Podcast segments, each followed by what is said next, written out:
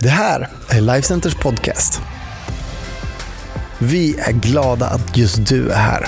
Allt du behöver veta om oss och vad som händer i kyrkan det hittar du på Lifecenter.se och våra sociala medier. Här kommer veckans predikan. Hej allihopa!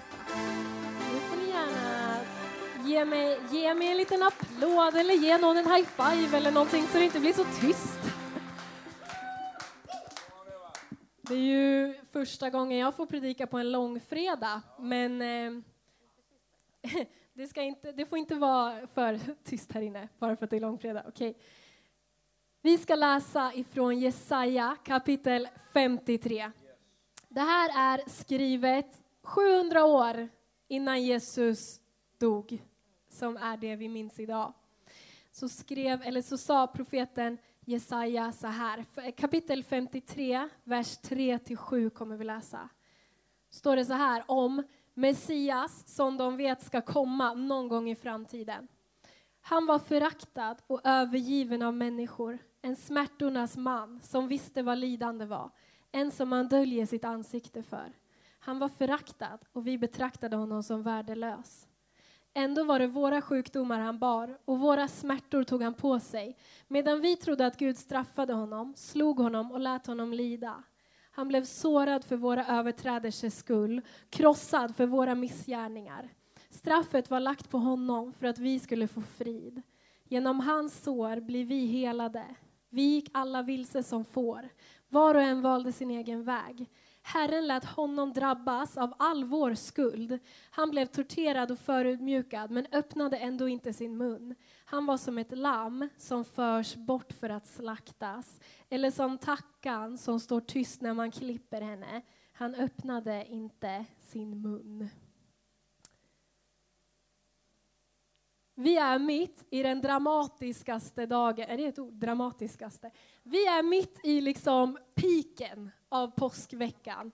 Det här är liksom, igår så har Jesus ätit för sista gången med sina lärjungar. Eh, och vi kommer snart fira nattvard för att minnas den stunden.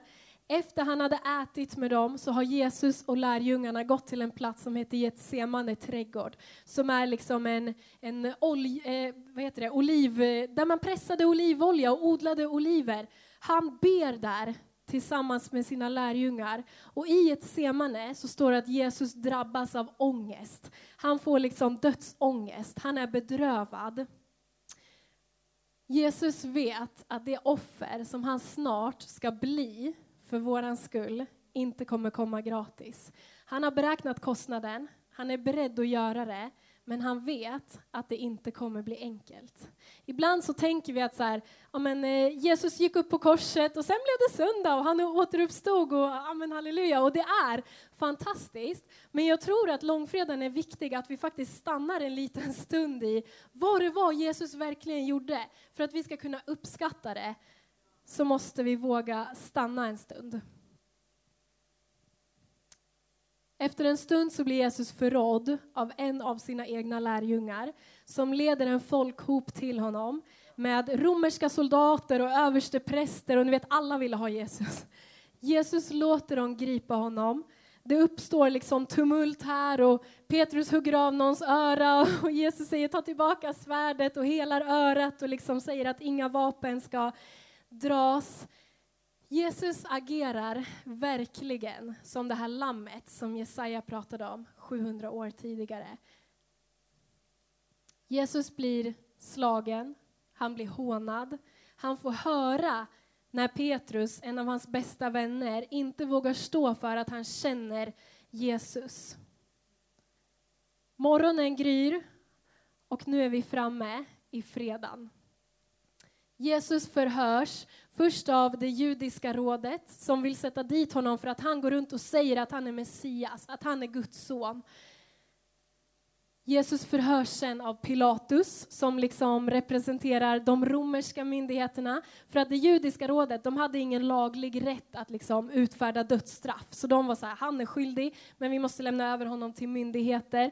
Pilatus förhör honom och han säger, jag kan inte hitta något brott som vi kan straffa den här mannen för. Pilatus försöker att diskutera saken med översteprästerna, Han försöker prata med folket, men han märker att wow, de här människorna har redan bestämt sig. Så kanske för att rädda sin egen karriär eller för att undvika att det ska bli liksom uppror så säger Pilatus okej, okay, ni får göra vad ni vill med honom. Och här ska vi hoppa in i berättelsen. Jag känner mig som Urban som jobbade i Anska kyrkan när jag var liten. Bästa Urban. Man fick gå, jag gick på en skola i närheten av Anska kyrkan på Pettersberg i Västerås. Och varje påsk och varje jul fick man komma till Anska kyrkan och så hade Urban liksom påskvandringar och julvandringar. Och det var lite så här spänn fast säkerhetsbältet barn, för nu åker vi. så spänn fast säkerhetsbältet för nu åker vi och det här blir spännande. Vi ska hoppa in i Matteus kapitel 27, vers 15. Då står det så här. Vid påskhögtiden brukade landshövdingen alltid frige en fånge, vem som helst som folket ville ha fri. Och just då satt en ökänd brottsling i fängelset. Han hette Jesus Barabbas. Om du vill ha en titel på min predikan förresten, så döp den till Barabbas, för det tyckte jag var kul. När folket samlades frågade Pilatus dem, vem ska jag släppa fri? Jesus Barabbas eller den Jesus som kallas Messias? Pilatus visste mycket väl att de hade överlämnat Jesus åt honom för att de var avundsjuka på Jesus. Medan Pilatus satt där på domstolen fick han också ett meddelande från sin hustru som varnade honom. Lämna den här rättfärdige mannen i fred, för jag har haft fruktansvärda mardrömmar i natt för hans skull. Men översteprästerna och folkets ledare övertalade folket att kräva att Barabbas skulle friges och Jesus skulle dödas. Så när landshövdingen nu frågade vilken av dessa två ska jag släppa ropade folket Barabbas! Vad ska jag då göra med Jesus som kallas Messias? undrade Pilatus. Låt honom bli korsfäst, sa alla.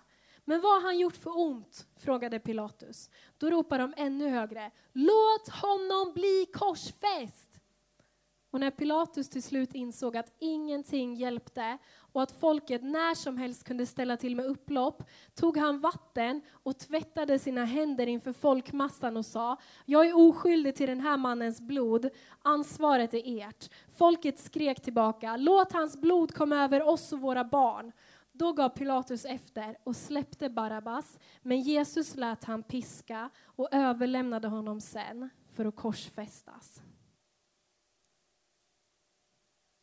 När jag läser om de här dagarna så fylls jag av ännu mer liksom förundran över vem Jesus är och hur ödmjukt han verkligen offrade sig för min skull. Men sen kommer man till Barabbas.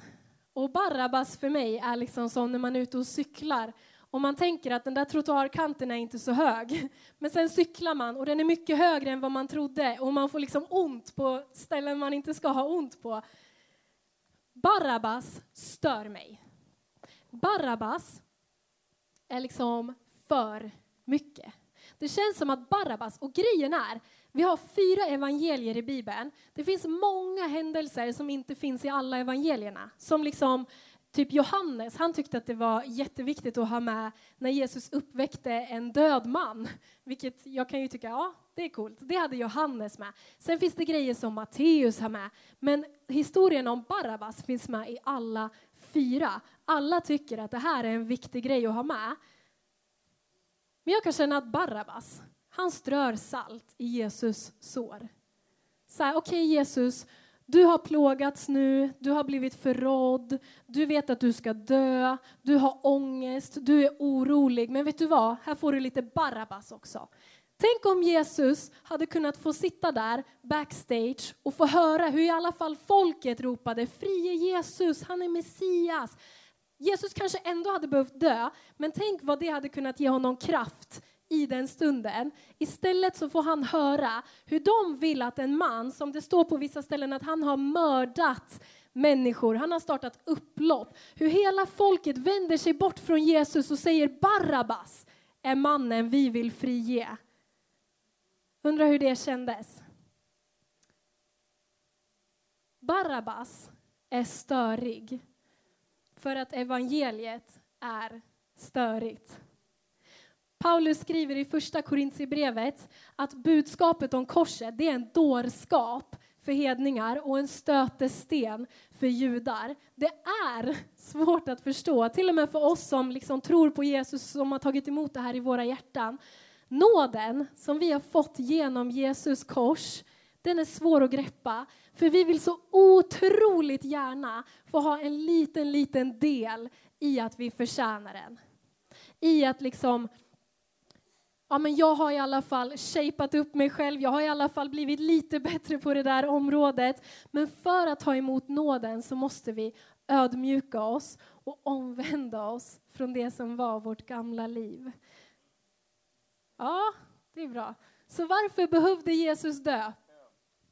Jesus behövde dö för att Gud måste döma ondska och synd. Gud måste döma för att Gud bryr sig om oss som han har skapat och därför så kan han inte lämna oss åt vårt eget öde och tänka att okej, okay, de får gå på sin destruktiva väg, de får välja precis vad de vill i livet fast jag vet att det kommer leda till platser som inte är bra för dem. Gud kan inte göra det. Han älskar oss för mycket. Jag hörde häromdagen hur någon sa att Jesus älskar dig, han älskar till och med det som du kämpar med. Och jag tror inte riktigt jag håller med. Jesus älskar dig och därför så vill han ta bort det som du kämpar med. Gud måste döma för att det goda ska kunna segra. En dag så ska all ondska i den här världen få sitt rättfärdiga straff. Och inte av mig, även om jag kan ha mycket åsikter om saker, utan av en domare som känner varje människa utan och innan. Och när det händer så kommer människor som har lidit i sitt liv här på jorden kunna räta på sina ryggar och bli upprättade. Gud måste döma för att den nya skapelsen som det står om i Uppenbarelseboken ska kunna upprättas. Det står om en plats där inte smärta finns, där inte ondska finns, där inte sorg eller tårar eller plåga finns. Och för att den platsen ska kunna skapas så måste allt det som står i motsats till den Gud är försvinna. Därför måste Gud döma ondska och synd. Och när vi tar emot Jesus som våran Herre så låter vi Guds dom gå över synden i våra liv. Ibland så tänker vi att när Jesus dog så försvann domen, eller den är inte viktig längre. Men grejen är att den finns fortfarande kvar över synden i mitt liv. Jag behöver erkänna att, vet du vad, jag förtjänar att dömas. Men skillnaden är att i samma sekund så får jag också erkänna att tack Jesus för att du tog straffet istället för mig och jag får gå fri. Barabbas stör för att han är den tydligaste symbolen över hur mycket Jesus verkligen behövde böja sig när han tog vårt straff. Men Barabbas stör allra mest för att Barabbas är du och jag. Barabbas visade så tydligt. Han förtjänar, inte, han förtjänar typ inte ens att få vara i samma rum som Jesus. Men Jesus tar hans plats. Jesus sätter, han sätter sig inte, Jesus hängs upp på korset som var förberett för Barabbas. Och Det visar så tydligt det som hela Bibeln pratar om. Hur vi inte förtjänar det, men hur vi får bli tvättade rena och friköpta genom Jesus blod.